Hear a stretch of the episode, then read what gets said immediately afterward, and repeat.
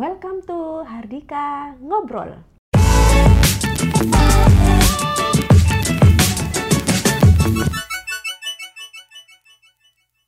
Nah, Oke, gini. Gimana gimana gimana? eh, suatu saat itu ada sesama wali murid Mm-mm. nanya ke saya, Gimana? gini, Mama, gitu. Oh ya, kenapa manggilnya saya Mama? Karena biasa sesama wali murid itu memang misalnya ini panggil nama anaknya, mamanya Grace atau mamanya Nathan, jadi manggilnya Hmm, Ma. Betul, betul. Mama, eh, bagaimana ya jika ternyata anak kita ini eh, anak kita itu ABK? Apa yang harus kita lakukan ya? Nah, penting penting penting, penting, gitu ya. Nah, karena kita tahu benar bahwa sebenarnya keluarga adalah garda paling depan ya di dalam memberikan lingkungan yang aman dan nyaman bagi anak berkebutuhan khusus. Terutama Mm. di masa-masa awal mereka ya, di masa-masa awal-awal anak itu misalkan anak masih kecil kemudian di di didiagnosa apa ABK gitu. Penting ya keluarga untuk support ya. Gimana gimana? Nah, setelah eh, setelah kita melewati serangkaian ke dokter, ke, eh, ke psikiater, mungkin ke tumbuh kembang anak, Hmm, dan akhirnya anak kita fix di diagnosis ABK, berkebutuhan Kebutuhan khusus. Nah, bagaimana? Apa yang harus kita lakukan ketika kita mengetahui bahwa anak kita ABK? Nah, yang penting, yang pertama adalah, nah ini penting karena penting ya. Yang pertama adalah informasikan hal ini atau kon- kondisi ini kepada kedua orang tua kita, ya orang tua Jadi nenek kakeknya Nenek dari kakek. anak yang ABK itu ya. papa, mertua, Mm-mm.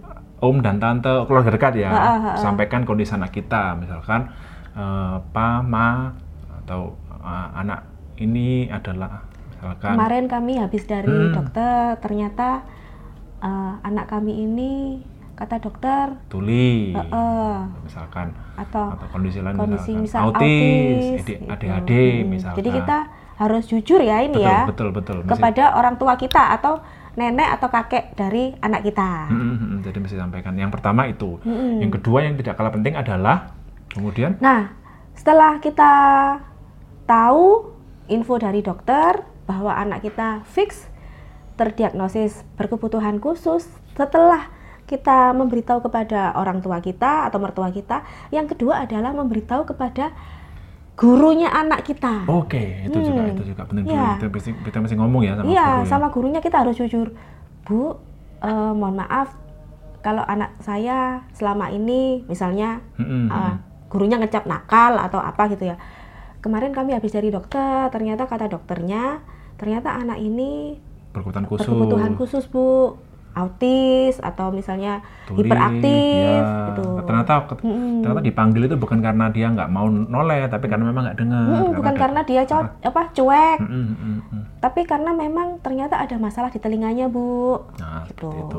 Nah, kemudian yang selanjutnya kita juga harus cari eh, saran profesional ya, misalkan terapi, cari terapi yang pas, cari center yang yang Iya, kita harus proper mulai gitu ya. survei-survei, googling-googling, cari yang apa ya, yang pas untuk apa yang dibutuhkan oleh betul, anak kita. betul. Kalau ke dokter, cari misalkan anak kita apakah ada pantangan makan, Mm-mm. apakah mesti diet, ada beberapa anak berkebutuhan khusus itu mesti diet eh, apa ya? Karbo. karbo, gula, tepung, Iya. itu. Jadi apakah ada ada kecenderungan untuk diet seperti itu? Apakah harus ada terapi khusus yang harus segera dilakukan, terapi bicara, terus terapi apa okupansi.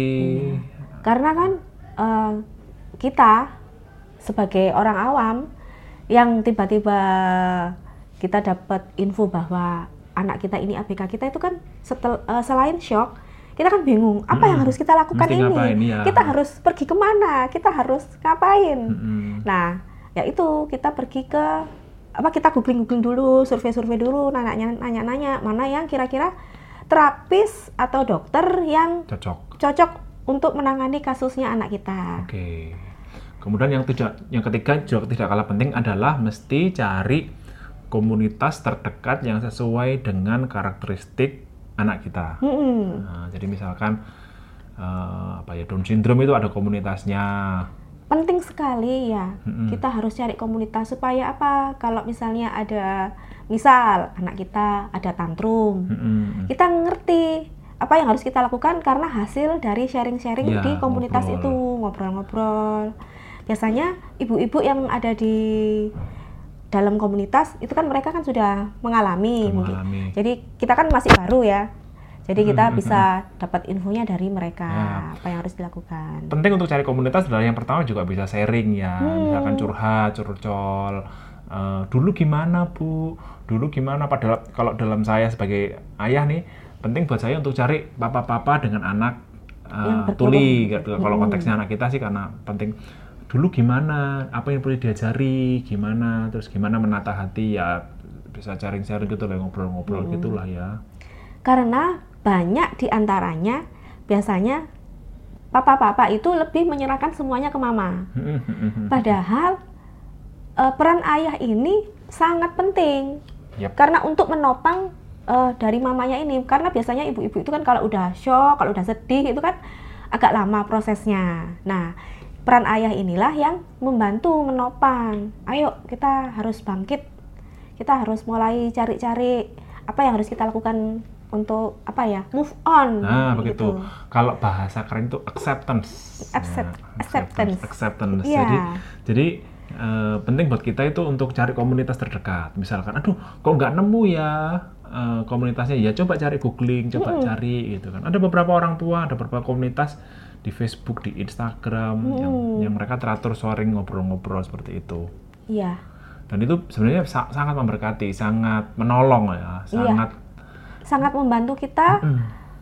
yang kita apa ya, yang barusan tahu setelah anak kita terdiagnosis ABK, kita tanya-tanyanya ke grup itu, ke komunitas itu, selain kita nanya ke dokter, selain Mm, kita nanya mm, ke terapis, ke grup itu juga karena mereka kan orang tua yang mengalami sendiri anaknya yang seperti itu. Iya, iya, iya. Jadi itu ya. Jadi bagaimana ketika anak kita ternyata adalah ABK? Yang pertama adalah Informasikan kepada orang tua kita atau mertua kita atau Hmm.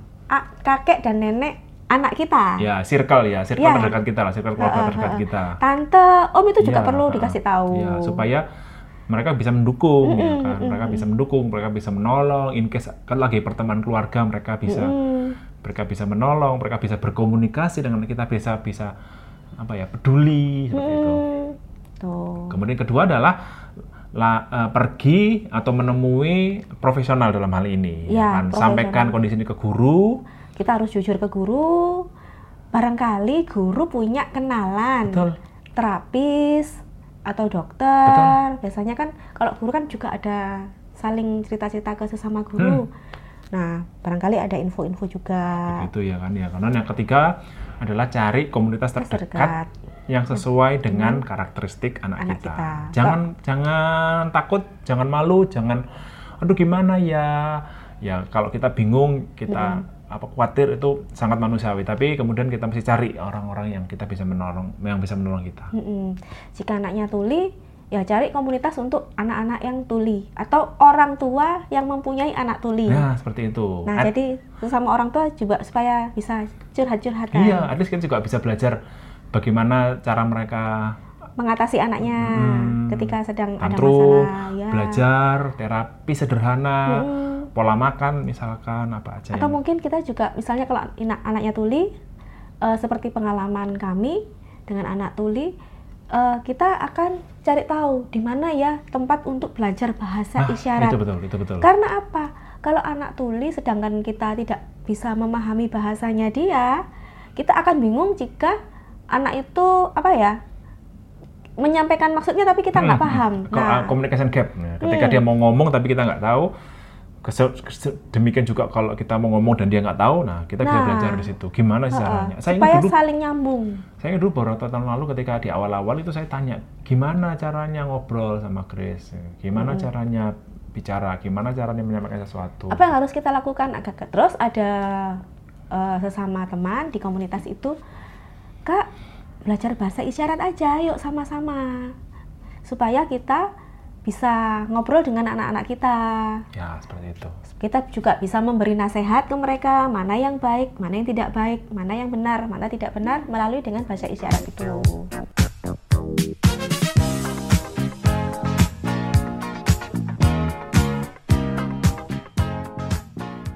Tetap Tetap semangat, Tuhan Yesus memberkati.